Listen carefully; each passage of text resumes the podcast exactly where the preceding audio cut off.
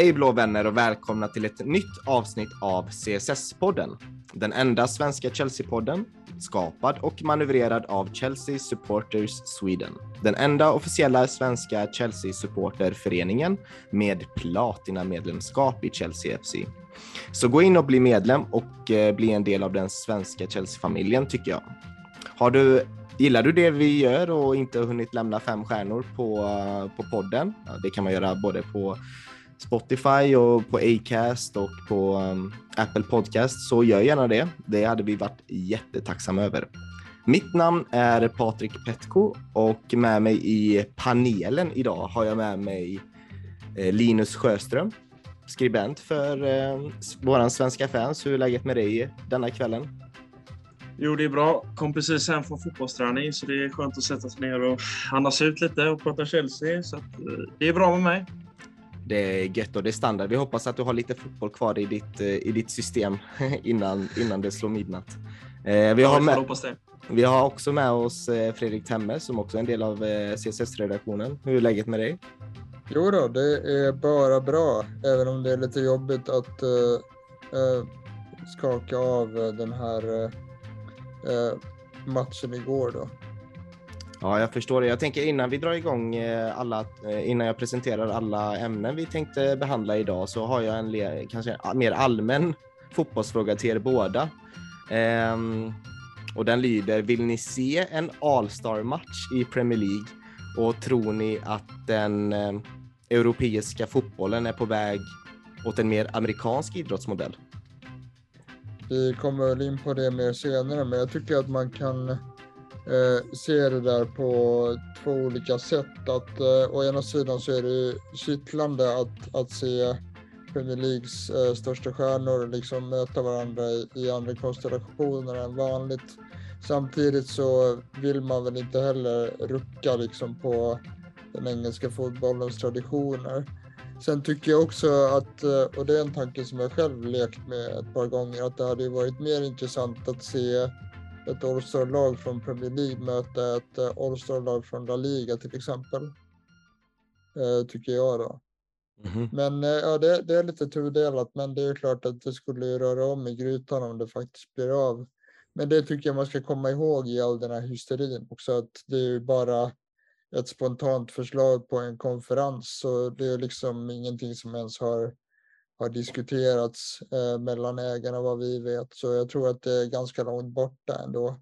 Men det är klart att eh, alltså det Bowley la fram på den här eh, konferensen häromdagen, det, det skulle innebära en större kom kommersialisering av eh, egentligen inte bara Chelsea utan hela ligan. Eh, mm. Liksom mer pengar åt alla. Mm, och frågan eh, har sitt, eller svaret har ju egentligen sin ursprung där, där han kommentatorn frågar om, eh, om superligan och lite hur Bowley ställer sig inför det. Eh, men hur reagerade du Linus när du, när du tog del av de här, de här svaren ifrån våra nya ägare?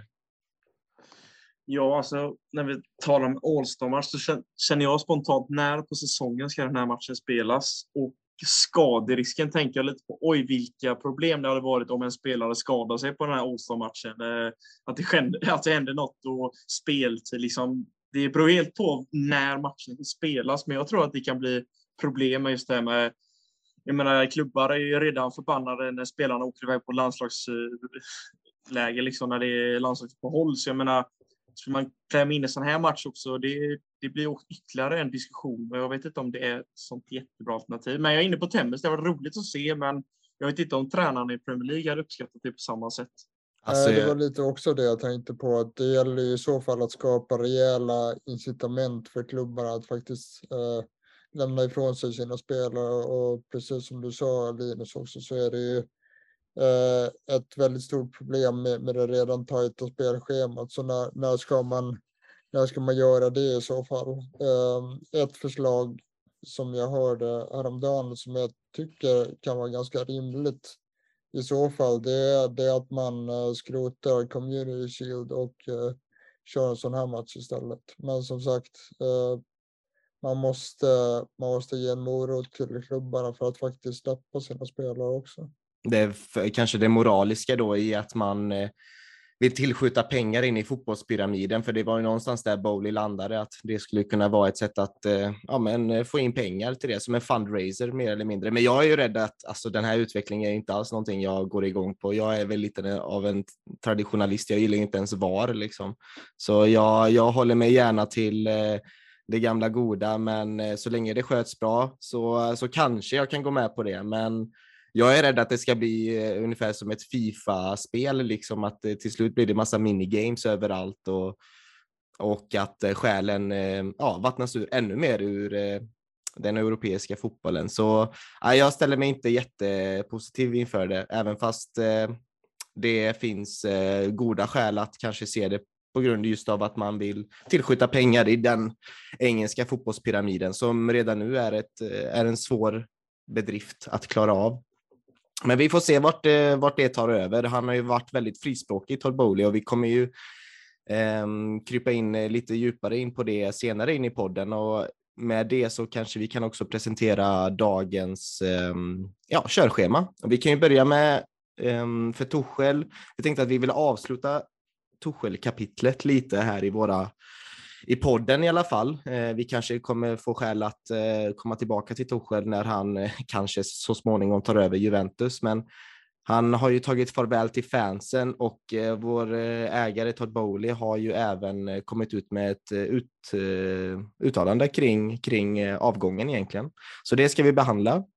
Och sen kommer vi Graham Potter har haft sin första intervju, för eh, Chelsea Football Club och han har även haft presskonferenser och han har haft eh, nu med, med ord eh, velat beskriva hur han vill se det här laget spela fotboll och vart han vill föra klubben, så det ska vi prata med om. Um, vi kommer givetvis gå igenom gårdagens eh, Champions League-match mot Salzburg. Eh, och vi kommer att avsluta stötta podden genom att gå in djupare på vad, vad den här Bowley-intervjun då, eller den här presskonferensen som han höll och eh, lite vad han har för vision för klubben. Så det tänkte vi bli ett bra paket eh, för dagens podd. Så eh, nu ber vi er eh, luta er tillbaka och eh, njuta. Nu kör vi!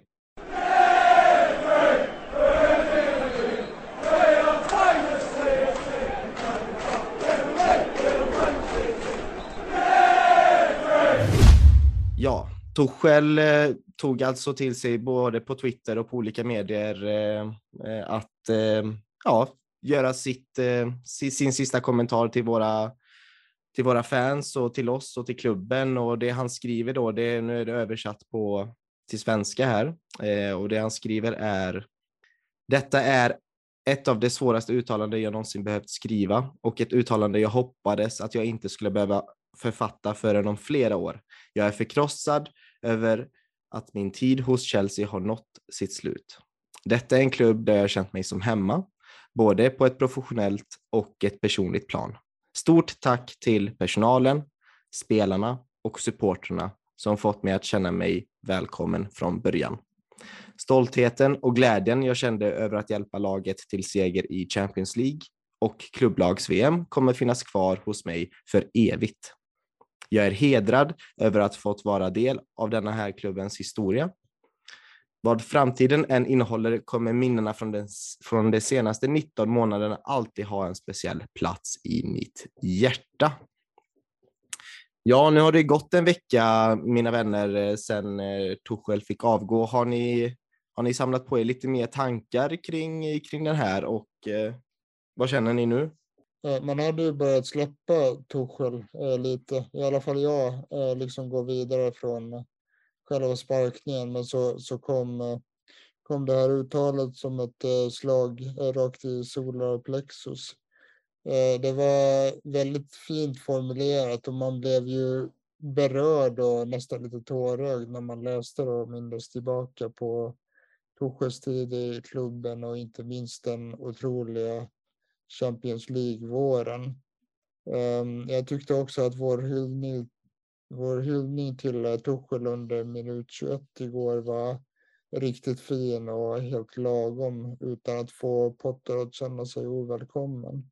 Ja, eller inne på samma bana som Temmes där, att det var ju under matchen där när eh, de sjöng eh, hans, hans sång som han blev tilldelad eh, efter, efter eh, Champions League-vinsten där, eh, så tycker jag att det, det, var, det var ett värdigt avslut på så sätt att eh, vi tackar av våra före detta tränare som gjorde ett riktigt bra jobb i klubben.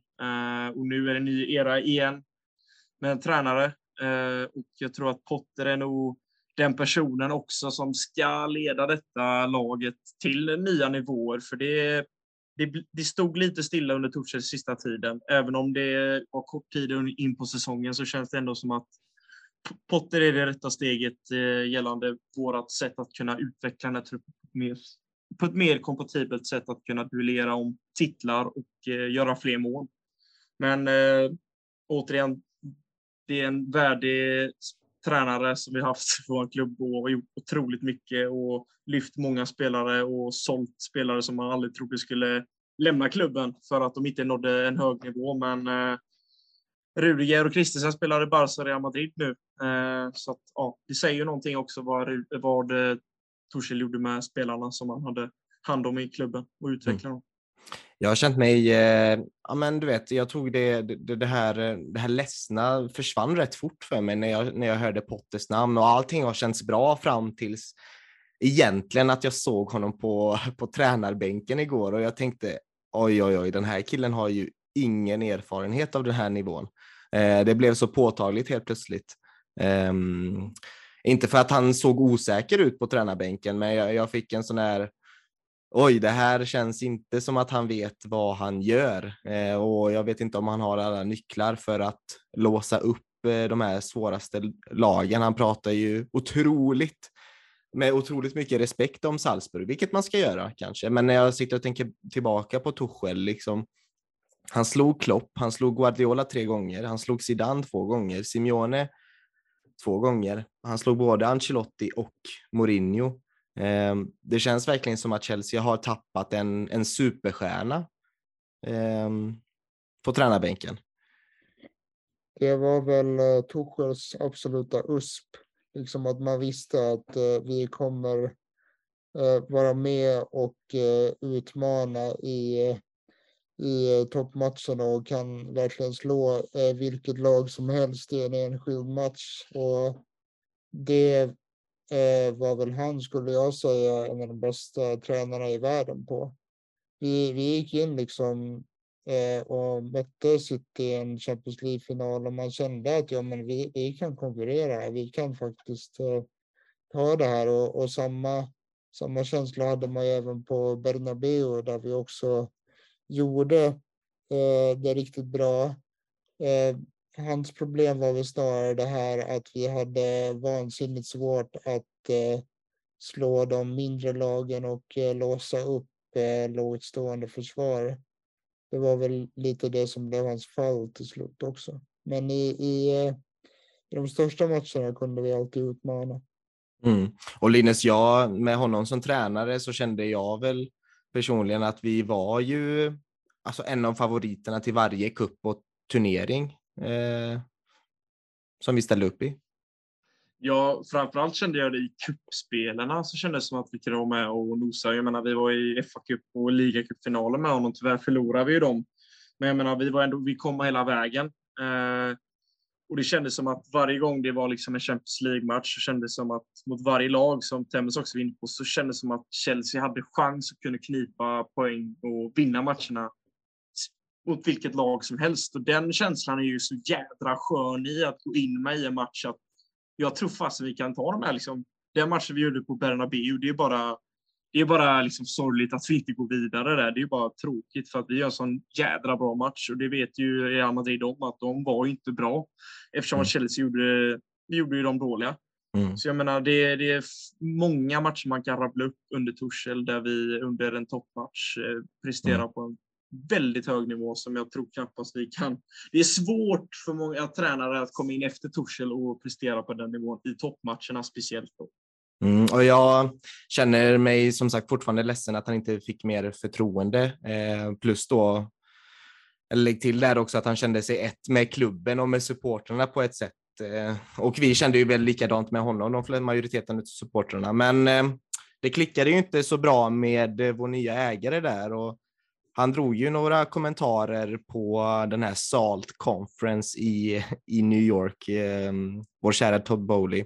Och eh, i stora drag så sa han, eh, jag kan väl citera lite vad han sa, men han, han nämner det så här. När du tar över ett företag måste du se till att du tänker på samma sätt som det som jobbar för företaget. Och Tuchel är uppenbarligen väldigt begåvad och någon som har varit väldigt framgångsrik med Chelsea. Vår vision för klubben var att hitta en tränare som verkligen ville samarbeta med oss, en tränare som verkligen ville kollaborera. Eh, och det, alltså, de, den kommentaren tyder väl på att eh, eh, Tuchel och Bowley hade väl olika visioner och inte kunde kollaborera mer eller mindre. Eh, ja, och eh, han fortsätter genom att säga så som situationen var var vi inte säkra på att Tuchel såg det på samma sätt som vi gjorde. Det finns inga rätt eller fel. Vi hade helt enkelt inte en enhällig syn på framtiden. Och det bekräftar egentligen det vi eh, pratade om i förra podden, vad vi misstänkte egentligen, att det inte handlade om den här Zagreb-matchen eller någon enstaka förlust här och där, utan att det handlade mer om vilket håll klubben skulle åt. Man ska väl säga det också att han underströk ju att eh, det handlade absolut inte om eh, vinst eller förlust i en enskild match. Precis. Utan det var ju precis det, det som vi diskuterade om att det hade ju varit meningsskiljaktigheter under en längre tid eh, under sommaren och det blev väl helt enkelt tydligt för, för eh, de nya ägarna det här som eh, Bowley säger precis att de delar inte samma vision och då, då blir det ju då blir det ju svårt. Sen kan man ju tycka vad man vill om det, men, men det är ju en helt, helt legitim anledning och, och är det så så är det ju bara att acceptera och köra vidare. Det jag gillar ju att det är helt plötsligt lite mer transparens i klubben efter 20 år av ja, men liksom stängda dörrar till styrelsen och liksom kalla statements på chelseafc.com så uh, känns detta väldigt annorlunda Linus, eller hur? Att man får en sån tydlig kommunikation direkt. Ja, det känns ju lite som att Speciellt liksom när man läser Twitter, det känns som man får reda mer och mer information om klubbarna. Det har nog kommit mycket med sociala medier och att hur man jobbar som journalist, hur journalistiken har utvecklats och hur mycket info man egentligen kan få i klubbarna. För det har man ju fått fler och fler. Och jag menar, det är bara att kolla på de här dokumentärerna de bland annat har gjort om Tottenham och nu mm. gör de Arsenal. En helt annan inblick, inblick i klubban och det är både på gott och ont. Jag menar, ett sånt här uttalande kanske inte hade kommit om vi backar några år och speciellt under Abramovic. Jag tror inte det är... Verkligen inte. Ja, men den här förklaringen hade aldrig kommit i en intervju. Det tror inte jag och det som du också tyckte där. Och jag menar, Ja, jag tycker det är jättebra att vi fans får reda på exakt. Sen vet vi inte i detalj hur diskussionerna har förts, men man har ju fått lärt till sig att ja, det har varit ett flertal diskussioner där de inte har gått ihop. Mm. Så man förstår mer och mer givetvis. Jag menar ägarna vill komma in och de vill såklart ha en tränare som vill gå samma väg för det är svårt att ha ett projekt som du tar över för att investera pengar i så är det en person som är en liten bromskloss. Så att jag, ja, jag förstår, förstår dem men det är tråkigt så det blev liksom. Att, inte, att de inte connectar på ett korrekt och bra sätt. Så är det. Och vi önskar väl eh, Torshäll Tuchel återigen all lycka i framtiden. Och eh, den personen som Bowley såg att eh, kunna kollaborera med mer i framtiden och som är vår nya huvudtränare och har, har ett, en match under bältet nu som, som Chelseas huvudtränare är ju Graham Potter. Och ja, vad är det för stämpel han vill sätta på laget tror ni? Jag var, alltså vi såg ju hans, vi kommer komma in på hans debutmatch här som, som tränare för oss mot Salzburg i mer detalj senare, men av den matchen då, vad är det, och speciellt av hans kommentarer, vad är det första ni kan se och det kanske är det första ni kan ta på utav hans, eh, utav hans, eh, ja, av den gärningen han kommer eh, driva? Om vi börjar med det han har eh, sagt på förhand så är det väl ungefär att man eh, eh ska förändra kulturen och liksom eh, ha ett lag eller skapa ett lag som eh, supportrarna kan vara stolta över. Och det, mm.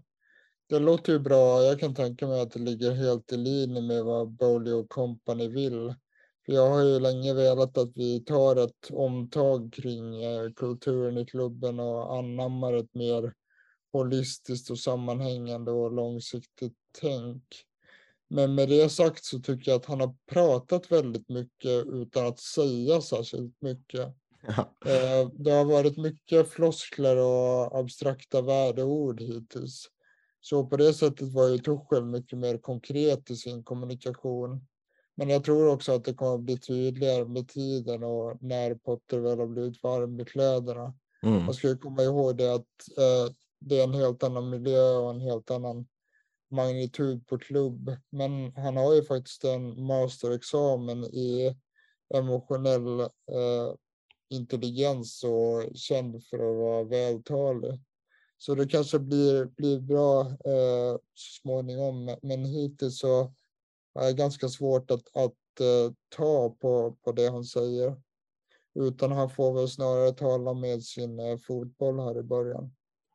Linus, du sa ju strax innan vi började spela in här att du, du kände dig eh, ja, men du känner dig lite orolig inför varje match och inte, inte kanske lika taggad. Ligger det någonting i, i Potters kommentarer som gör dig orolig eller vill du snarare vila på hans kommentarer och hans tankar kring hur han vill ta det här laget framåt som, som du kanske kan hitta något positivt i? Ja, men det är lite inne på Temmes också där. Det är ju lite upp till bevis också. Det är klart man kan ju, klart han vill komma in med ett bra intryck och liksom bygga upp hur hans tänk är och hur han vill arbeta med klubben. Men min frustration det handlar ju generellt över hela säsongen. Att det började redan på försäsongen där det såg svajigt ut och vi har inte riktigt fått ordning på det förutom Tottenham-matchen hemma, för där såg man ju något helt annat. Och det var ju frenesi, det var ju liksom, det var en galen match som, ja, vi har redan pratat igenom den matchen, men det är bara att den här känslan av att det inte riktigt klaffar och man märker att laget mår ju inte jättebra. Men jag menar Potter, om man kollar tidigare på hans karriär, han har, han har vunnit division 2, division 1 i Sverige samt den svenska kuppen. Men jag menar, han har spelat Europa League och slått Arsenal på Emirates med Östersund. Så mm. jag menar, han vet ju hur man för en grupp framåt och hur man kan skapa en tro på att allt är möjligt. Så jag menar, det gäller ju nu bara att få ordning på en grupp med fullt av superstjärnor som eh, tjänar otroligt mycket pengar och det är många nya spelare som inte vet hur den kulturen fungerar i Chelsea. Det vet nog de inte riktigt än själva för att menar, det är ny, nya ägare och det är dags att sätta den här grunden på något sätt och då kanske Potter är en perfekt start att liksom börja från grunden egentligen, att bara liksom börja få igång tron att vi är, vi är ett topplag som ska leverera. Jag menar, jag tror det sitter många hjärnspöken på spelarna. Det, det, mm. det är någonting som sitter. Jag menar, man märker i det offensiva spelet, det, det flyter inte på lika bra. Liksom. Nej, och jag tror det är någonstans där. Där kommer ju hans erfarenhet och förmodligen hans eh, eller hans erfarenhet av den här emotionella intelligensmastern han, som eh, Fredrik berättade om att eh, det är väl, någon, det är väl de nycklarna han kan öppna upp och jag, där har jag ju förtroende för honom som, som ledare. Sen hans fotbollsgärning har jag ju också förtroende för, men det är ju mer den här erfarenheten jag känner väl är, eh, står emot honom. Men man måste ju börja någonstans som fotbollstränare. Men vad var det han erkände igår att han har bara varit på en enda Champions League-match förut live. Eh, då har jag sett fler Champions League-matcher live eh, än honom och det, det oroar mig väl lite eh, kanske. Men eh, en annan kommentar under hans första intervju där, så den stämpeln han vill sätta på laget, så nämnde han han säger så här, jag citerar. Jag vill att spelarna ska njuta av fotbollen. Det är viktigt att man skapar ett lag där spelarna faktiskt tycker om att spela. Det kan sedan skina igenom till supporterna och den absolut mest betydelsefulla relationen i en fotbollsklubb är ju den mellan spelarna och fansen. Ehm, det vill säga, det säger egentligen för mig att ja, men vi ska spela offensiv fotboll. Liksom. Ja, det kommer vi att göra. Men eh, personligen så har jag lite svårt för när man kommer in och säger att eh, nu ska vi ha roligt och spelarna ska ha kul och tycka om fotbollen och sådär. Ehm, Chelsea är ju inte en, en sån typ av klubb utan eh, i Chelsea så handlar det om att vinna titlar. Mm. Eh, så lite därför så drog jag också öronen åt mig när när Sarri kom in i klubben och det första han sa att uh, nu ska vi ha lite kul. Mm. Och det, det, är liksom inte det det handlar om utan Eh, det är väl bra eftersträvansvärt att vi ska spela underhållande fotboll, men det det handlar om i Chelsea är ju att eh, vinna titlar och prestera resultat. Mm. Det tycker jag däremot att Potter har ju ändå insett det och förstår att det är resultatet som talar. Mm. Så vi, vi kommer väl hitta en bra balans där också. Så det är bara att hoppas att han lyckas uh, återskapa och vidareutveckla det vi har uh, sett i Brighton. Men det tycker jag att uh, vi såg embryon till redan nu under första matchen. Jag hoppas att det fortfarande finns kvar starka karaktärer inom klubben. Det kan vara både på Cobham eller i, i restaurangen eller liknande eller i Stamford Bridge som kan berätta historien om Chelsea och vilka vi är för Potter då och även för de nya ägarna så att, så att vi inte håller på att göra en extrem kulturförändring över en natt. Det tror jag inte hade varit gynnbart och då, hade, då är jag rädd att vi blir någon slags Arsenal här helt plötsligt när Arsenal eller när Arsene Wenger bestämde sig för att bli nya Barcelona på något sätt och det tog flera år innan man träffade rätt från att vara en väldigt prestigefylld klubb. Så det, ja, det är jag väl lite orolig för kanske, att man är lite djupt vatten. Men jag såg ju bland annat att John Terry var ju på Cobham och hälsade på spelarna och han, han tror ju eh, kommer vara en viktig pjäs där att, eh, ja, lite som en ambassadör där komma och hälsa på spelarna och påminna dem lite om historien om Chelsea och att det handlar om att vinna. Men det ska bli spännande eh, vilken riktning han tar laget på fotbollsplanen i alla fall. Och han säger också dessutom att jag har alltid trott att man behöver kliva ur sin bekvämlighetszon för att kunna bli bättre. Eh, vårt jobb som tränare är att tillåta våra spelare att göra just det. Alla vill utvecklas, alla vill tävla, alla vill vara en del av något. Vårt jobb är att skapa en miljö där allt det där är möjligt. Um, och det låter ju lite som, nästan som Torshäll. Torshäll sa ju det här att ja, offensiva spelare ska ju genom sin kreativitet lösa upp Ehm, ja, läsa upp försvar och så vidare. Eh, men här pratar han, det här med bekvämlighetszon tycker jag är spännande. Den första spelaren jag sitter och tänker på det är ju ah, Christian Pulisic. Det här, det här behöver du höra. Ehm, jag tror det, det är en sån spelare som han eh, möjligtvis skulle kunna vända. Vad, vad tänker ni kring det? det? Han talar ju ändå, han säger ju ändå det som i mina öron är precis det jag hade sagt till spelarna kanske att Jo, men ha kul på fotbollsplan. Kom ihåg att det, det ska vara kul att spela fotboll, men eh, ja, du reagerade på det lite Temmes, att du inte tyckte om det så mycket. Jag gillar det. Ja, nej, precis. Det handlar väl bara om att man helt enkelt ska ha målsättningen att vinna också. Mm. Och kan man, kan man kombinera och ha kul med att vinna så är det bra. Men eh, jag eh, Eh, jag är i alla fall sån rent fotbollsideologiskt att jag ser hellre en eh, pragmatisk fotboll. Eh, sen finns det väl såklart ett visst egenvärde i att spela så kallad attraktiv fotboll också, men jag personligen kommer i alla fall att prioritera resultaten i, i första hand mm. konsekvent.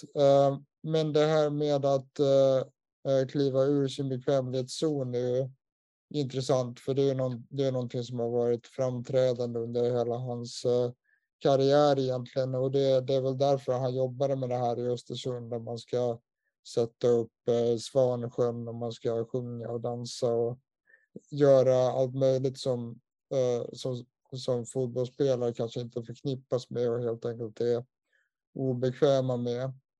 Um, och jag tänker väl också lite på Pulisic där att nu måste till exempel han eh, utmana sig själv och liksom tänja sina gränser och göra saker som kanske är lite okonventionellt för honom. Jag, jag tror att det är ett jättebra arbetssätt och eh, ett bra förhållningssätt att ha när man, eh, när man tränar fotboll och eh, strävar efter att nå resultat. Då får det lov att vara lite obekvämt också. Det var ju påtagligt också eh, den här eh, intervjun strax före avspark igår mot Salzburg så, så var det som att någonting hände hos Potter. Då handlade det inte så jättemycket om bekvämlighetszoner och skön fotboll och balansera fotboll, utan då var det varannan mening innehöll att we must need, we, we need a result, alltså vi måste vinna matchen. Eh, då blev det väldigt resultat direkt drivet eh, och det var kanske stundens allvar som fick honom att prata på det, på det sättet, men Ja, det ska bli intressant hur han kan kombinera det, för det är ändå en stor kostym han ska, han ska fylla. Men Linus, vad, vad får du för, för tankar och känslor när du hör, hör, hörde hans första intervju för klubben? Jo, men det känns ju som en, en tränare som verkligen vill ha en grupp med individer som ska åt samma håll. Eh, det är inte en, ingen tränare som kommer frysa ut någon spelare. Jag tror däremot han vill nog inkludera alla spelare som är med i truppen och det känns ju som en trygghet. Och jag tror också spelarna ibland, det är ju lätt att man inte riktigt känner sig sedd i en trupp av 25 gubbar där alla är liksom världsstjärnor och är på att spela på en hög nivå. Jag menar, det, är ju egentligen, det handlar om alla situationer i, i sitt liv egentligen när man kommer i en grupp, att man vill känna sig välkommen och en i gänget. Jag menar, det gäller ju definitivt när man ska vinna titlar i en Premier League-klubb som Chelsea. Då måste ju alla gå samma väg. Jag menar, som har kommit fram att det fanns splittringar i, i bland spelargruppen gällande Torshäll. Jag menar, få Potter ihop de här spelarna att gå åt samma håll. Jag menar att även bänkspelarna känner att de är med och driver mm. detta framåt och vill komma in och påverka. Då kommer vi vinna mycket på det. Speciellt hur Potter har liksom fungerat innan så tror jag definitivt att han vill ha med alla spelare och det, mm. det, det känns spännande på det sättet. Att du ska bygga en grupp och det handlar inte om individer, det handlar mer om en grupp. Typ. Mm. Ja, det ska bli spännande och det vet vi också att Tuchel ville få med mm. sitt lag med, det, som du var inne på. Så, och det, det kändes ju den våren när han tog över efter Lampard att han verkligen lyckades med det. Liksom, speciellt hur Tammy Abraham firade Champions League Eh, segern. Det kändes som att han hade spelat alla 90 minuter varje match. Så, nej, det var, vi hoppas att Potter skulle kunna få fram något eh, liknande och kanske lite mer långvarigt då för klubben. Men jag tycker vi går in eh, på hans debutmatch då mot Salzburg och pratar lite mer om den i del två.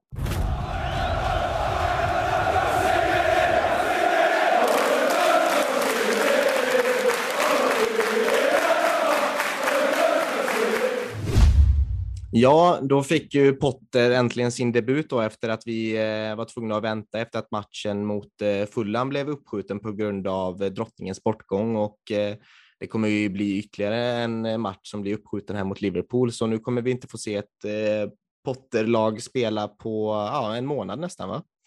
Så ehm, vi fick se denna matchen i alla fall mot Salzburg och ja, 1-1 slutade den och det här är bara andra gången som Chelsea har misslyckats med att inte vinna sina två öppningsmatcher i Champions League eh, då. Eh, och eh, senaste gången vi gjorde det var faktiskt säsongen 99-00, så det var ett tag sedan. Eh, vi sitter på en poäng i gruppen och Eh, kommer ha det väldigt tufft att eh, kvala oss in till vårens slutspel. Vi har ett eh, jobbigt dubbelmöte mot Milan som, som stundar. Men innan vi fokuserar på det, så vad kände ni efter slutsignalen? Ja, det är nog den känslan som lite knutit ihop denna säsong hittills. Frustration, ilska, tomhet och bara liksom känslan av att sakerna inte går vår väg. Det var lite mer, eh, framförallt frustration, att vi inte lyckas stänga matchen. Mm. Eh, att vi, jag tycker det, man såg tendenser. Det var, om man jämför lite med Torshälls första match, det var mot Wolves hemma, 0-0 match. Ja. Man såg också tendenser där. Och lite gällande den här första matchen med Potter också, att det är så svårt i kort tid. Han kommer in, men jag tycker ändå det offensiva såg mer kreativt ut. Jag tyckte Mount kom in bra där och fick in mycket bollar mellan fickorna i, central, i centrala delen av planen. Han kom in skitbra och det har vi inte sett så mycket av den här säsongen. Så det var ju roligt och sen tycker jag att Sterling håller, håller den nivån vi har köpt honom för. Mm. Eh, så det känns ju tryggt att han fortsätter leverera. Men överlag så tycker jag att det är tråkigt att liksom Silva som gör en skitbra match råkar liksom klanta till det lite med sin glidtackling där när den inte riktigt blir hundraprocentig och de får tag i bollen och skickar in det till en steket Okafor som gör mål igen för Salzburg. Han är ju ja. i bra form kan man säga. Det kan man säga. Vad kände du Fredrik efter slutsignalen? Eh, trots ett eh, radikalt annorlunda spelsätt så var det samma gamla problem. Mm. Oförmåga att avsluta eh, om man inte heter Raheem Sterling och eh, individuella misstag som eh, eh, fäller oss i defensiven igen.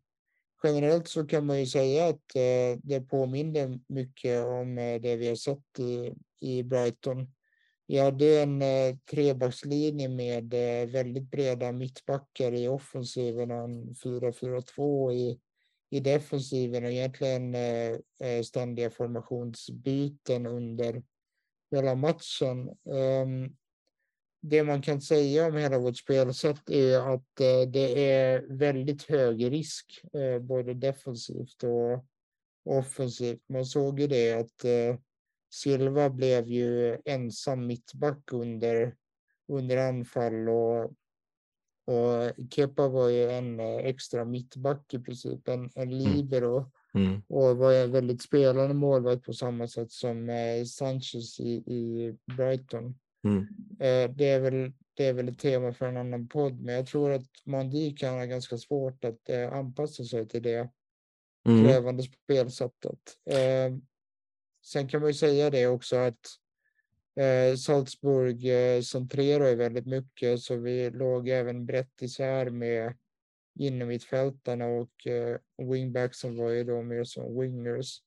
Framförallt eh, Raheem Sterling där det verkar ha varit en målsättning att eh, få honom i, eh, i så många en mot en lägen som möjligt. Vi kan börja med att säga att eh, både Emondi och eh, Conte inte var tillgängliga för matchen på grund av skador. Så Kepa fick ju starta i mål och i den här eh, Champions League-grafiken fick vi se en 4-2-3-1 eller en 4-3-3 Eh, och det var ju lite känslan när man såg laguppställningen, när man såg namnen att ah, det blir fyrbackslinje, tänkte man kanske då. Men det visade sig att det inte blev så, utan precis som du var inne på eh, Temme så var det ju en, eh, en trebackslinje vi spelade där Cucurella fick ju ta Koulibalys eh, plats mer eller mindre och att Sterling fick någon slags Trossard-roll, liksom, när, som Trossard spelar i Brighton, att han får den här vänster ytter, eh, vänster wingbacken som, men istället för att liksom, han slickade både kant men också löpte in. Jag tyckte hans roll var jätteintressant igår faktiskt. Eh, och precis som ni var inne på eh, där att eh, Mount fick ju spela som en klassisk åtta där han hör hemma. Eh, Rhys James fick ju ta andra höger ytterbackskanten och så hade vi Aubameyang och Kai Havertz på topp då. Eh, Jorginho och Kovacic fick ju också plats på mittfältet och det var ju, jag tyckte det var jätteintressant. Eh, det var ju nog det första jag försökte titta på, det var hur vi, hur vi ställde upp och hur vi spelade och jag tycker vi börjar matchen väldigt bra med bra tempo och snabbt passningsspel, men eh, jag håller med där er båda att vi föll tillbaka i det här beteendet där vi spelade det här handbolls anfallet, liksom det här U-anfallet. Det, och det är flera gånger under matchen vi visar på att det är svårt för oss att bryta igenom och de här lågt sittande försvaren. Ja, och jag kan bara fylla i där. Jag tänkte med gällande det offensiva spelet så tycker jag också att det saknas ju det här självförtroendet att, att skjuta. Det ska alltid spelas. Bollen ska liksom till deras mållinje liksom för att sedan lägga in den. Alltså, det är alldeles för lite skott. Jag menar, det, jag kan knappt minnas när det var ett skott utanför straffområdet som bara sitter. Liksom. Det så nästan backa bak till Lamports tid. Nej, nu överdriver jag lite kanske, men alltså de här. Det är inte ofta ett tidigt skott kommer som blir farligt tycker jag. Det är ofta det ska hela vägen in i straffområdet och gröta in det. Liksom. Mm. Det, det är ofta, inte ofta Chelsea får ett läge utanför straffområdet som blir farligt och jag tycker kollar vi på fasta situationer med frisparkar har varit helt under isen den här säsongen. Det har varit riktigt dåligt alltså. Det ligger ju mycket obeslutsamhet där. Alltså du vet när man har de här halvomställningarna så väljer man att backa bak istället. Istället för att bara riska och köra framåt. Ja, och kollar vi på Sers mot eh, Dinamo Zagreb där, de två frisparkarna. Det är, att han får slå andra frisparken, det är helt oförståeligt. Jag menar, står James där som liksom har en perfekt högerfot som eh, vi vet att det är ett högerläge, men då eh, ska Ziyech ta den ändå. Så jag menar, det, ah, det behövs eh, spetsas till på många håll i det offensiva och Temmes har ju varit inne på det också, att det, det är för dåligt helt enkelt. Det är för dåligt, men vi, jag såg ändå några positiva grejer och det är ju framför allt att Mount kommer ju in i lite mer avgörande positioner där hans kvaliteter kommer fram lite mer. Eh, som vi, du pratade om skott utanför mål, där i 40 minuten tror jag där han får ett eh, bra skottläge precis utanför straffområdet, men lite för mycket yt ytterskruv. Den hade kunnat lika väl gå in rakt in nära stolproten där eller i krysset. Eh, och jag tycker även på den på, det, på den åtta platsen han har, att han bidrar mer i försvarsspelet och framförallt i de defensiva omställningarna så visar han sig vara eh, väldigt bra det är otroligt skönt att se Mount eh, spela på sin bästa position eh, igen, för han är ju allra bäst som en tvåvägsspelare. Eh, så det var väldigt förlösande att inte se honom vara utskuffad på någon kant utan faktiskt spela precis där han ska. Det kan man ju säga om Havertz också, att för kanske första gången under sin tid i klubben så spelar ju lite av en, av en tia som jag har predikat om.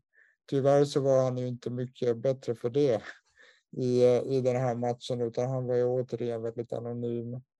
Eh, sen vet jag inte hur mycket vi ska gå in på individuella spelare redan nu, men om Ziyech kan man ju säga det också att han stärkte ju verkligen inte sina aktier igår. Nej. Han, han måste ju sätta åtminstone ett av sina lägen. Mm. Men det är ju vår stora akilleshäl som Linus pratar om också, att eh, tyvärr så är det ju inte en jävel som kan avsluta i vårt lag, eh, förutom eh, Raheem Sterling och man får ändå anta att, att Aubameyang kommer i vart fall att avsluta bra. Men det, det är så oerhört frustrerande att se hur hur jäkla dåliga vi är när den sista passen ska slås eller när det ska avslutas. Antingen mm. så går det snett och vint eller så går det på en täckande försvarare eller uh, ja, eh, det blir, blir någon slags fjösare som, som målvakten har lätt att hantera. Uh, tar man just detta, det här, ett av de här SJS-lägena så har ni i princip hela, hela målet att sikta på. Alltså visst, det är en jättebra räddning av målvakten, men det mm han, eh, han ska ju sätta det där och då, då vinner ju plötsligt matchen. Så det är ju väldigt deprimerande att se att det fortfarande ser ut så här och det, det är lite det jag menar också med att det är ett annorlunda spelsätt men samma gamla problem. Och det är bara att hoppas att eh, Potter på något sätt kan få ordning på det här, för annars så kommer vi fortsätta att förlora poäng på det här sättet. Ja, och jag tänkte lite på det du var inne på, Temmes, det, det drömläget som Ziyech eh, missar. Just den kontringen, jag fick upp ett klipp på det här på Twitter, liksom, att det är den här fotbollen som ska spelas med Potter. Att Brocha drar liksom upp det här anfallet och skruvar upp det i ett högt tempo där vi vänder på spelet. Det tar ju bara ett fåtal sekunder så är vi där uppe. Sen givetvis, det ska ju vara mål och hade det blivit mål så hade det ju varit en exemplarisk kontring. För det var det i vilket fall, men jag menar, hade det blivit mål där så hade, det nog, då hade det klippet rullat ganska många gånger tror jag, för att det var en fin, och, eh, fin kontring där Brocha gör det riktigt bra och får in den till Ziyechon. Ska lägga in den, men han vet ju inte riktigt hur man gör det just nu.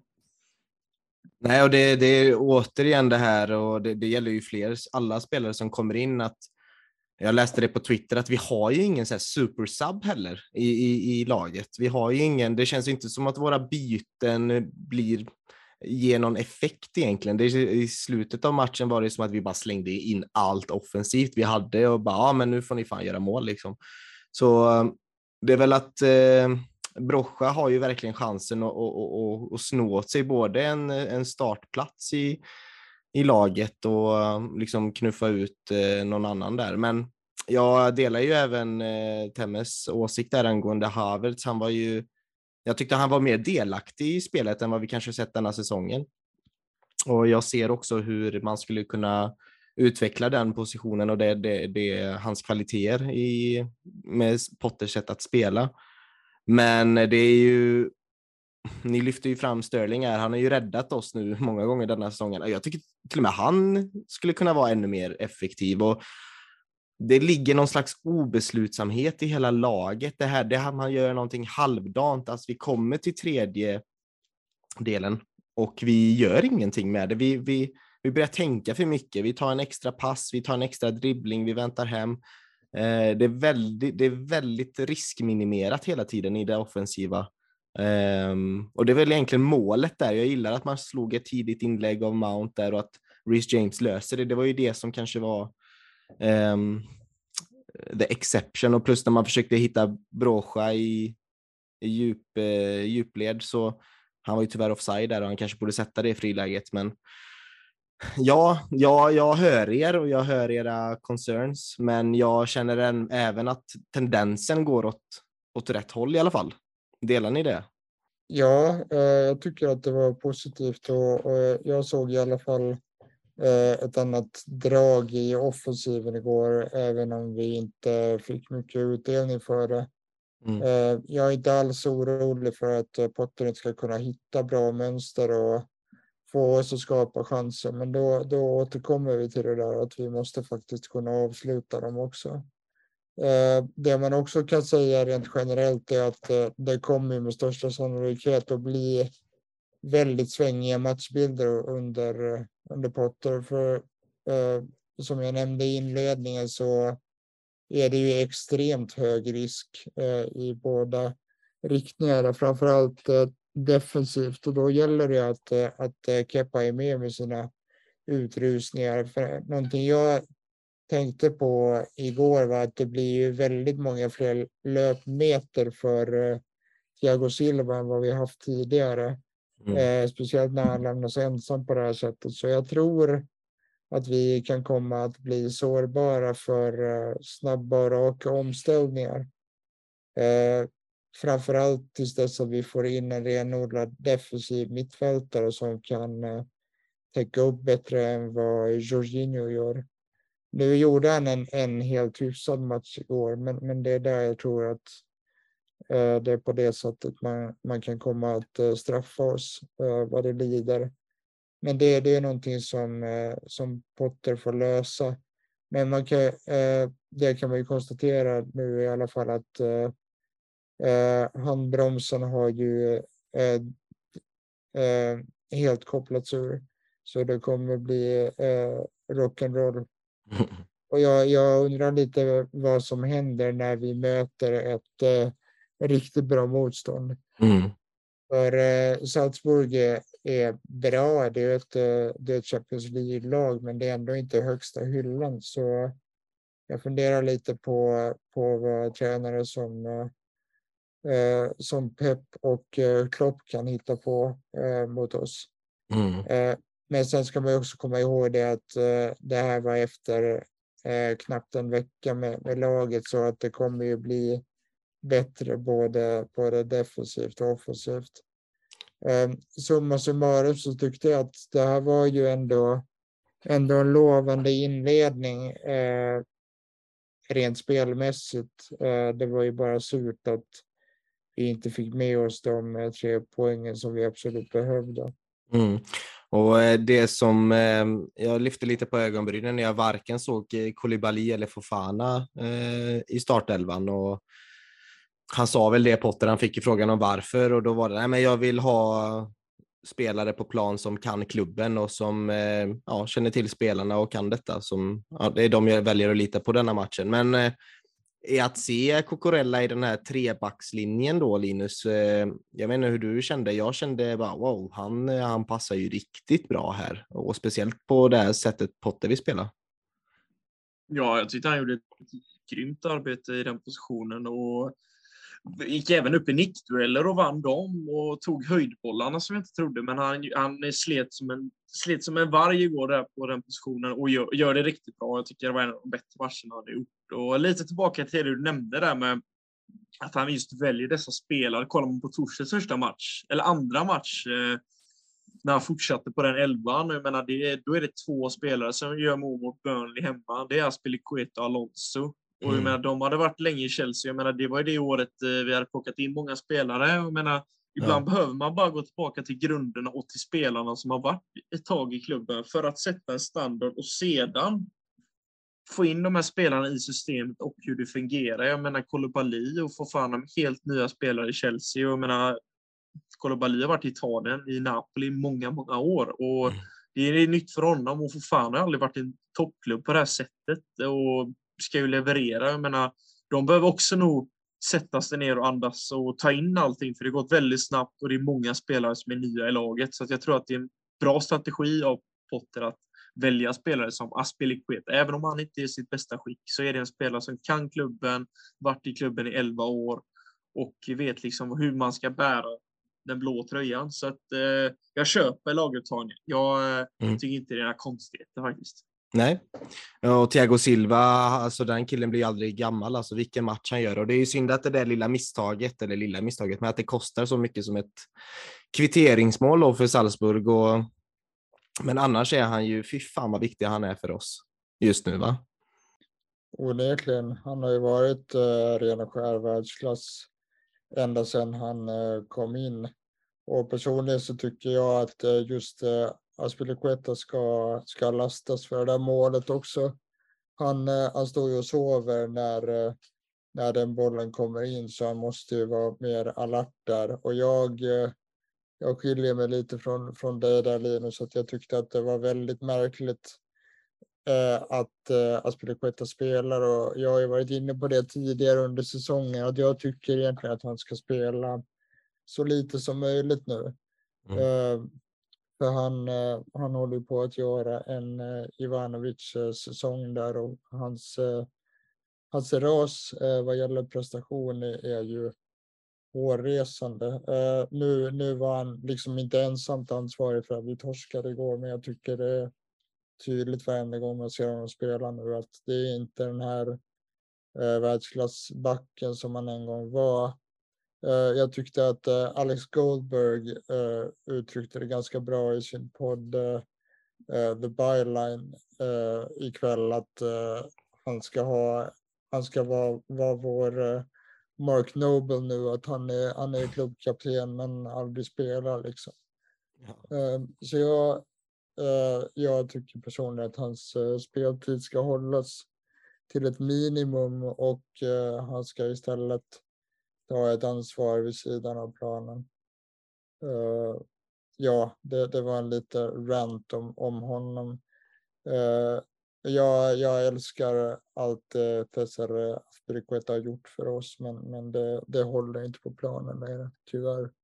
Han är ju viktig där i den eh, delen av att berätta just om Chelsea-historien då för Potter och för Bowley. Så han är otroligt viktig på det spirituella planet, om man säger så, kring, eh, ja, kring kulturskapandet eh, av klubben. Och framförallt nu i den här övergången så tror jag han är en viktig komponent. Och ja, jag tror väl en sån här Mark Nobel Um, ehm, ja, identitet eh, hade passat honom bra, eller en Mark Nobel-roll rättare sagt. Och någon annan, en annan spelare som kommer dock kanske ta en större ledarroll i framtiden som gör återigen en väldigt stark prestation i matchen, det är ju Reece James och då, han får ju spela på sin riktiga position då. Och det, jag tycker han gör en supermatch återigen och det känns inte som att han är så himla påverkad av eh, den dåliga formen vi har och att han inte heller han känns så konstant hela tiden. Det är sällan han gör en dålig match. Han borde kanske borde haft det där skott på mål. Jag minns den där frisparksvarianten han hade med Cocorella när han får det här skottet precis utanför för straffområdet. Det är alltså inte det skottet går på mål. Eh, alltså vanligtvis känner ju att den går upp i krysset eller stolpe in. Det är ju någonting som Reece James gör vanligtvis. Ja, och det, det, är en spelare som jag tycker också visar den här viljan, men han visar flera gånger den här frustrationen att, det inte vis, att spelaren inte visar sig. Jag menar, han, han är ju, man ser ju att han är, han är ju form av de spelarna som är på planen igår och Störling det, och Silva givetvis. Det är tre spelare jag tycker ser bra ut, håller liksom en nivå, uh, håller liksom en nivå som man känner att men den, den här är godkänd. Men det är ju flera spelare som lite gömmer sig på planen, även om det, det var mer offensivt igår och det var mer att spelarna tog för sig. Men det är fortfarande här lite att man spelar om enkla platsen och man vänder hem och, och så vidare. Men jag menar, de, man visar det på James, liksom visa nu, visa den offensiva delen. Det är där vi ska straffa dem liksom. Och det är lite sånt man vill se också. Att den här viljan måste finnas för att skapa lägen. Mm. Ja, vi, är det något mer ni vill säga om matchen? Jag, eh, jag kan inte säga att jag känner mig nöjd med en poäng. Det brukar vara någonting man, man, man brukar återkomma till, till en halv prestation sådär, men jag känner mig inte alls nöjd med en poäng. Vi skulle, det här skulle vi ha vunnit och det blir otroligt svårt för oss att ta oss vidare nu och jag är inte taggad för en Europa League-säsong heller. Ehm, så ja, om vi inte har någonting mer att säga så stänger jag gärna denna Salzburgsmatchen. Jag vill egentligen bara fylla i det här som eh, Linus sa om Kukureya, att han gör ju en, en jättematch. Inte bara i defensiven som mittback, utan han gjorde i princip tre roller. Mm. Han var han var vänster mittback och han var vänster mittfältare och han var vänster winger. Eh, var liksom inne i, i straffområdet och, och hotade till och med. Så han, eh, han eh, stod verkligen för en prestation som, som eh, stod ut för mig och, och, jag blev verkligen imponerad och tycker inte alls att det är konstigt att, att eh, att Potter förlitar sig på honom. Däremot så är jag lite skeptisk till att man kan spela en så kort eh, backlinje i Premier League. Mm, det ska bli jättespännande och framförallt om för då kommer han ju börja konkurrera med Koulibaly där på den, på den positionen och ja, Chilwell kanske blir, får det svårt att komma in som vänsterytter om eh, Sterling gör, fortsätter göra ett jättebra jobb där. Jag tycker han passar jättebra in där, att slicka kant och sen bryta in. Um, Sterling finns ju risk att han försvinner när han är utav de här, en av de här tre längst upp. Så det ska bli jätteintressant att se vad, hur Potter fortsätter att eh, bygga detta laget framåt. Och vi får ju se det mot Crystal Palace blir det nästa match tror jag. Eh, nu när det är mycket avbrott och landslagsuppehåll och sådär. Men ja, vi spelade mot Salzburg och Salzburg är en klubb som fascinerar eh, vår nya ägare Todd Bowley och det är ju att hela den här Red Bull-koncernen fascinerar ju honom och jag tänkte att vi går vidare med återigen den här eh, presskonferensen som han gjorde på Salt, Salt, den hette ju Salt den här press conference, Salt conference hette den och var i New York. Um, och där berättar han lite om vad han ser för framtid för Chelsea Football Club och han Ja, han sa så här, we have talked about having a multi-club model. I would love to continue to build out the footprint. There are different countries where there are advantages to having a club. Red Bull do a really good job. They got Leipzig and Salzburg, both of which are playing in the Champions League. Sen nämner han även City-koncernen och City Group där du har, eh, där Citigroup, det är ju flera, det är New York och det är något lag i Frankrike och det är Man City och Ja, vad tycker ni om det här multiklubbmodellen eh, som man pratar om och framförallt lyfter han upp det här att det är ett sätt att att låna ut våra spelare och garantera dem speltid eh, var väl någonting jag gillade. Men vad, vad gillar ni av att göra Chelsea till någon slags ny Red Bull-koncern? Jag tror eh, faktiskt att det är helt rätt väg att gå, för man kan eh, tycka vad man vill om det, men eh, fotbollen rör sig åt det hållet och City ligger i framkant där med, med hela sitt paraply. Så när, när de har gjort det så tycker jag att Chelsea ska haka på också, för jag tror att det är en trend som som bara kommer att bre ut sig mer och mer. Eh, sen kan man ju naturligtvis diskutera om det, om det är bra för fotbollen som idrott Och om det urholkar konkurrensen på, på sätt och vis.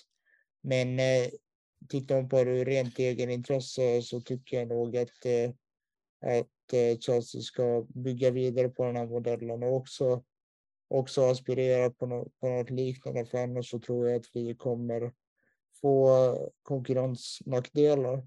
Mm. Bowley har ju rätt i det han säger att eh, visst man kan använda lånesystemet för att eh, för att eh, ge spelare erfarenhet och liksom skapa en eh, pathway. Men då lämnar man ju över eh, spelarutvecklingen till någon annan och det, det faller ju inte alltid väl ut, vilket vi ju såg med eh, Billy Gilmore till exempel. Mm. Eh, Norwich slogs för sin överlevnad primärt och det, det leder ju Billy Gilmore något, något oerhört av. Mm. Eh, gällande just det här så kan man säga det också att det redan igår ryktades om att eh, Chelsea för diskussioner om att eh, ta över en eh, portugisisk klubb.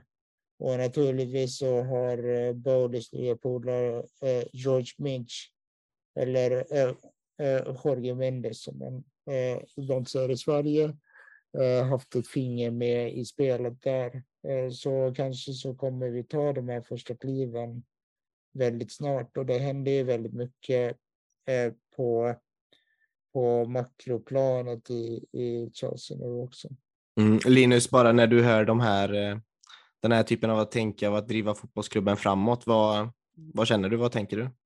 Jag har alltid haft svårt just det här med Leipzig och hela den där koncernen. Och med de här sam det är inte samarbetsklubbar, man slår nästan ihop det och det blir liksom ett B-lag spelar i en sämre liga. Jag har haft svårt för det, men lite som Temmes också inne på att fotbollen utvecklas och det har också varit ett sätt att skapa ett lag underifrån som blir ännu starkare och därifrån också skapa den här konkurrensen. För vi har alltid haft så många spelare på utlåning. Mm. Och det är liksom, kan de bilda ett slags B-lag eller ett lag, utvecklingslag i ett annat land, till exempel i Portugal, där vi kan samla alla de här unga talangerna som skeppas ut över hela Europa till ett lag och skapa ett vinnande lag Mm. Då hade det också varit någonting givetvis som har varit grymt i framtiden. Att man vet att man har ett lag i Portugal som levererar, där flertal talanger visar sig på sin bästa sida och jobbar på det sätt som ni var inne på,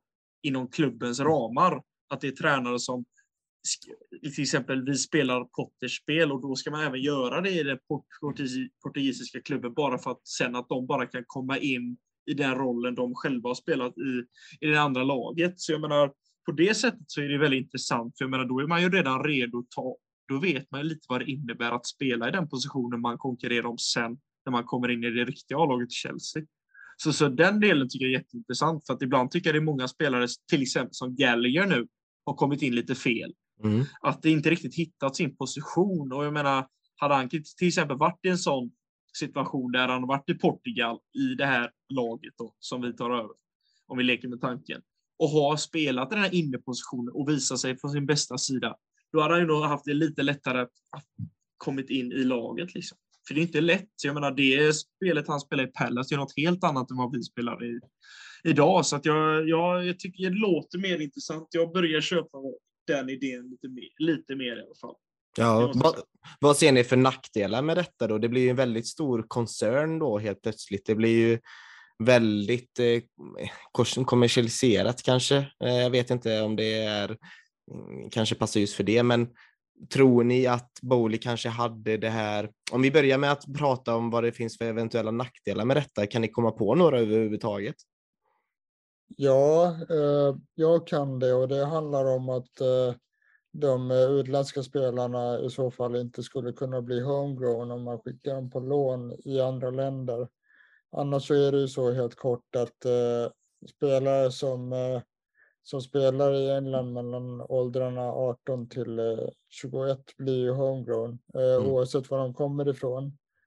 Um, så det är ju en, eh, en nackdel. Eh, nu har vi inga problem med, med homegrown-kvoten idag tack vare våra akademiprodukter och, och engelska värvningar och sådär. Men det, det är någonting man bör tänka på på sikt i alla fall. Att den möjligheten går helt om intet om en 18-åring skickas till, till eh, Portugal eller Frankrike. Att då kommer vederbörande inte att kunna bli homegrown. Det är väl egentligen det som är mest uppenbart för mig. Eh, sen får man ju se hur det, hur det artar sig. Eh, vad jag förstått så har ju City haft ganska mycket nytta av av den här modellen. Så det ska bli intressant att, att se eh, mm. om vi kan utnyttja det lika bra.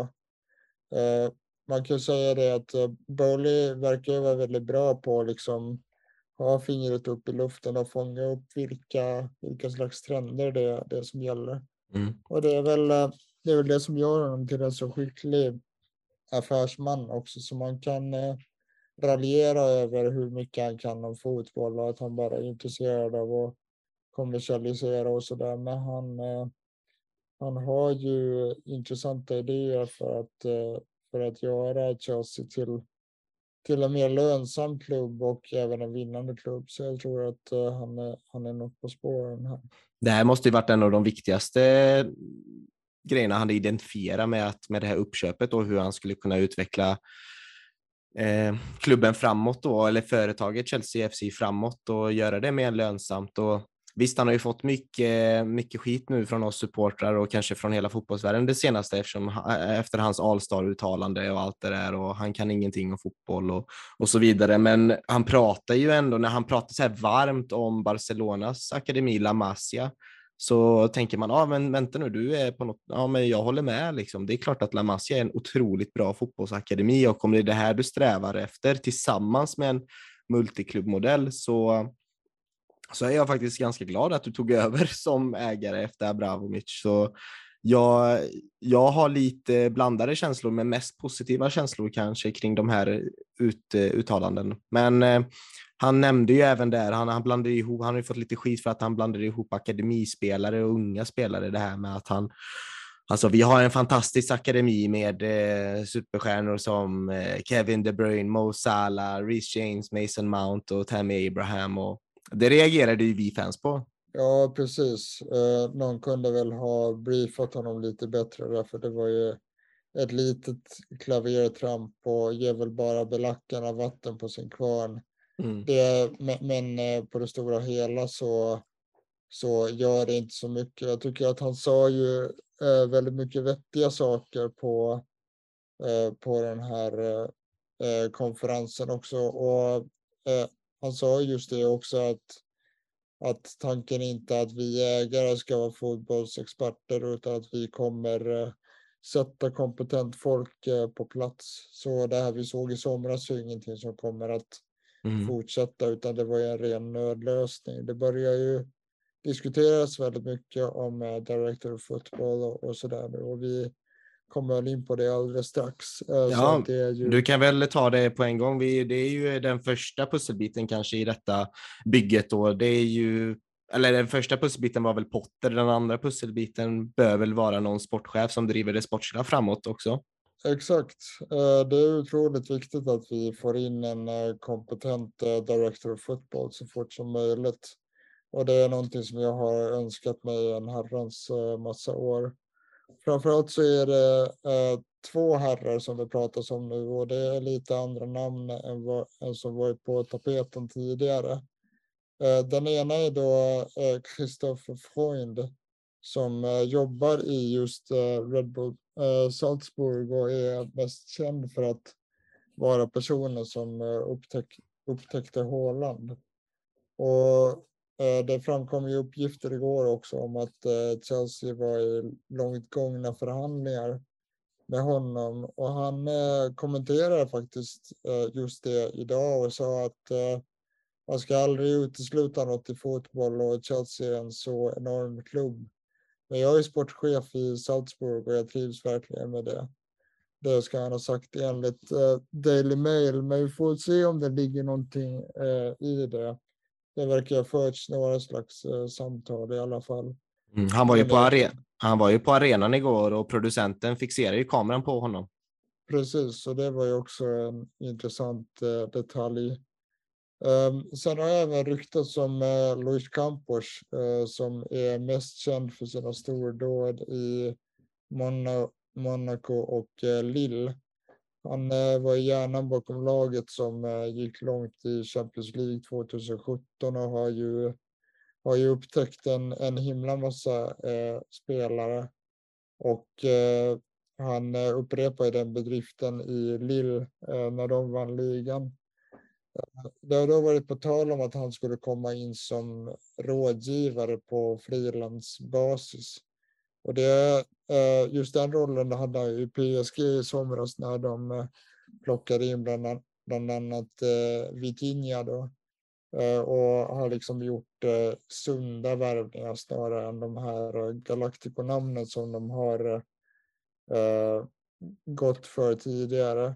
Mm. Så han, han kom in med ett helt annat perspektiv där. Och om man då jämför de här två herrarna så ser jag hellre Campos eftersom han har ett imponerande track record över tid.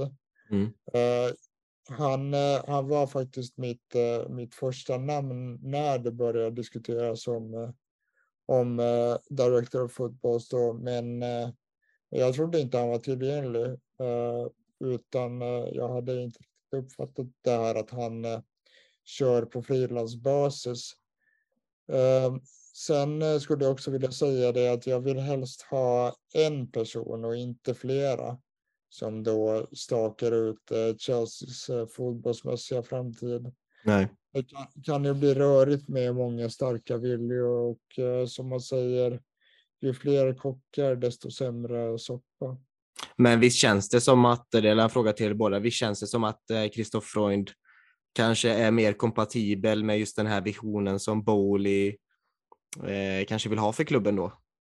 Ja, det som vi var inne på tidigare, är det så man vill bygga klubben så är det det bästa alternativet. Att ha en som verkligen har sysslat på detta i flertal år och med resultat liksom, i ryggen.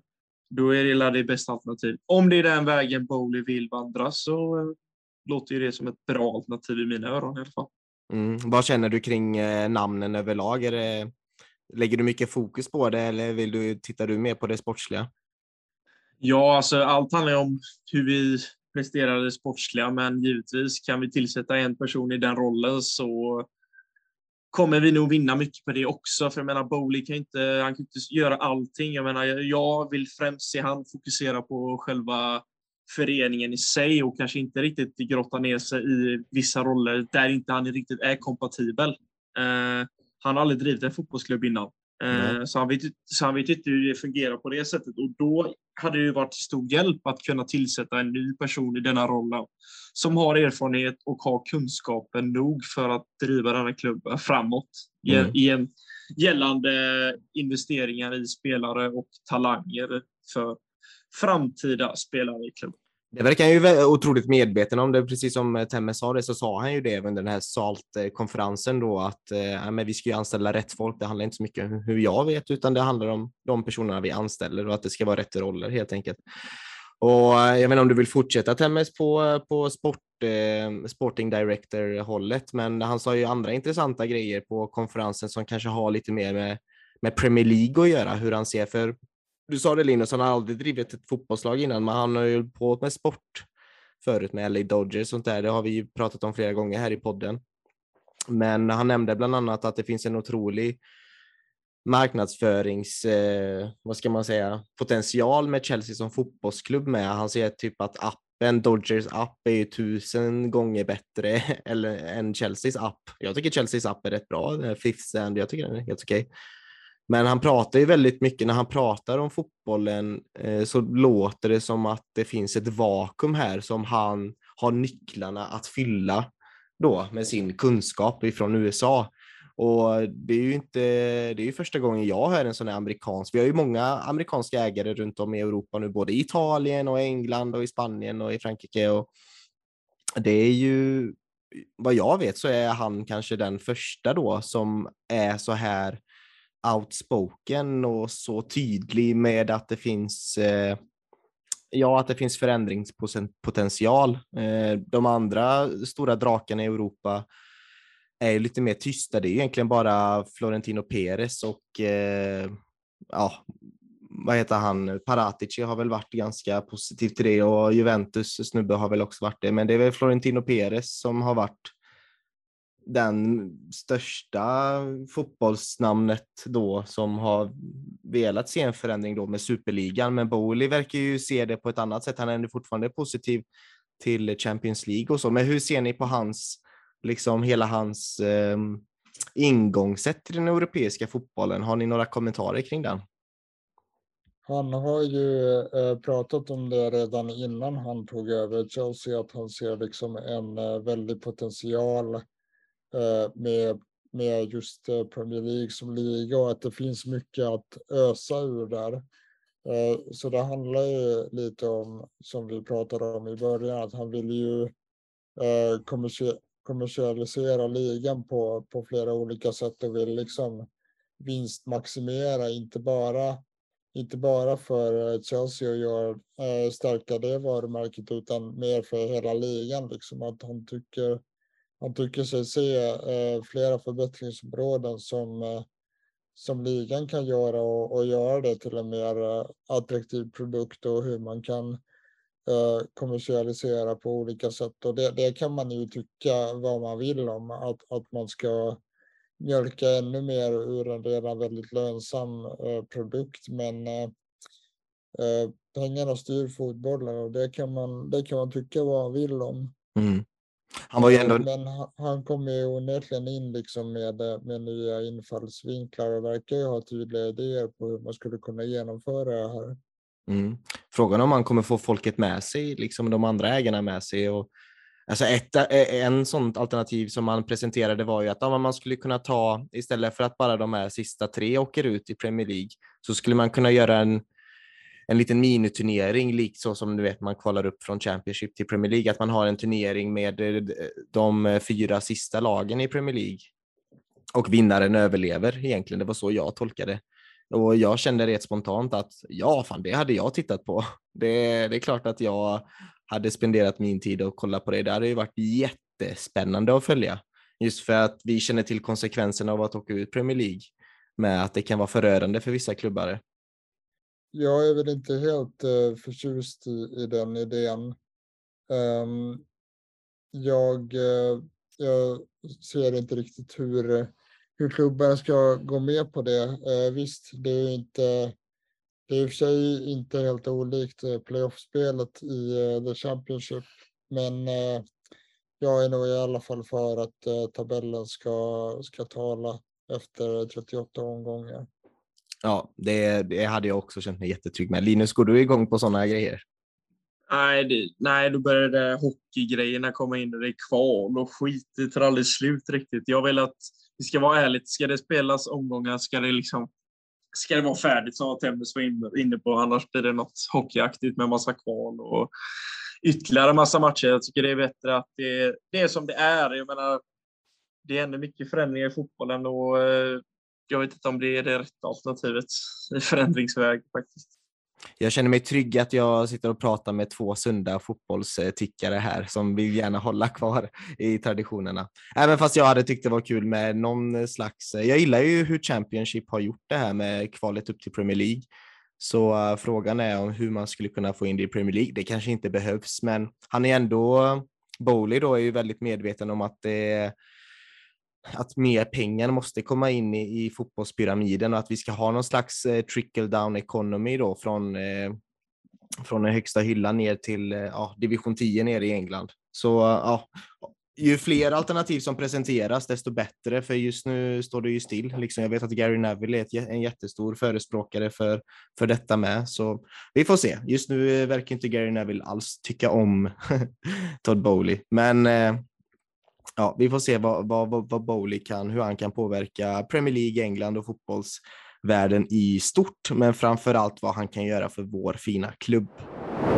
Det känns som att, eh, att truppen behöver lite vila nu, för att det känns som att det, man, man diskuterar nästan samma saker mycket, att det, liksom, det, det går i lås. Och det, nu vill man egentligen bara komma tillbaka när vi sitter nästa, eller när vi poddar efter nästa match, att man liksom har vunnit eh, mot Palace med 4-0 och man kan bara sitta och ösa lovord över både Potter och spelarna. Det känns fortfarande som man, det känns som man, man diskuterar nästan första matchen. Att mm. det, det, är, det, är så, det, är inte, det är tuffa tider för Chelsea, och det, men det är samtidigt roliga och intressanta, så det är så, det är så svårt att sätta grepp på det. Alltså. Mm.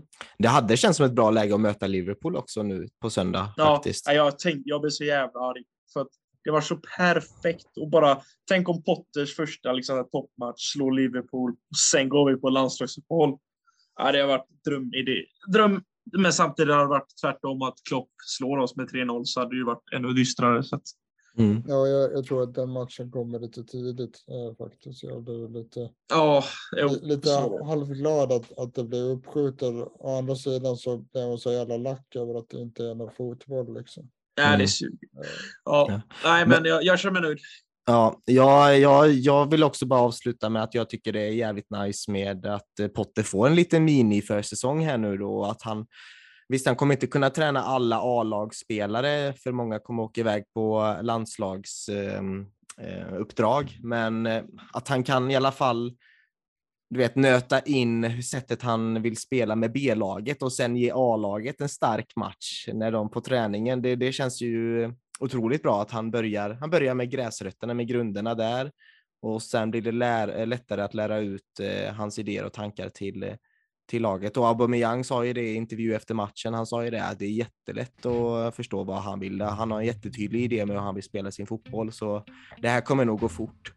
Så jag känner mig trygg och jag känner mig glad att det får en eh, liten miniförsäsong och dock så håller jag med er båda att det blir tråkigt utan fotboll till helgen. Men eh, ja, med det så var detta var allt för idag.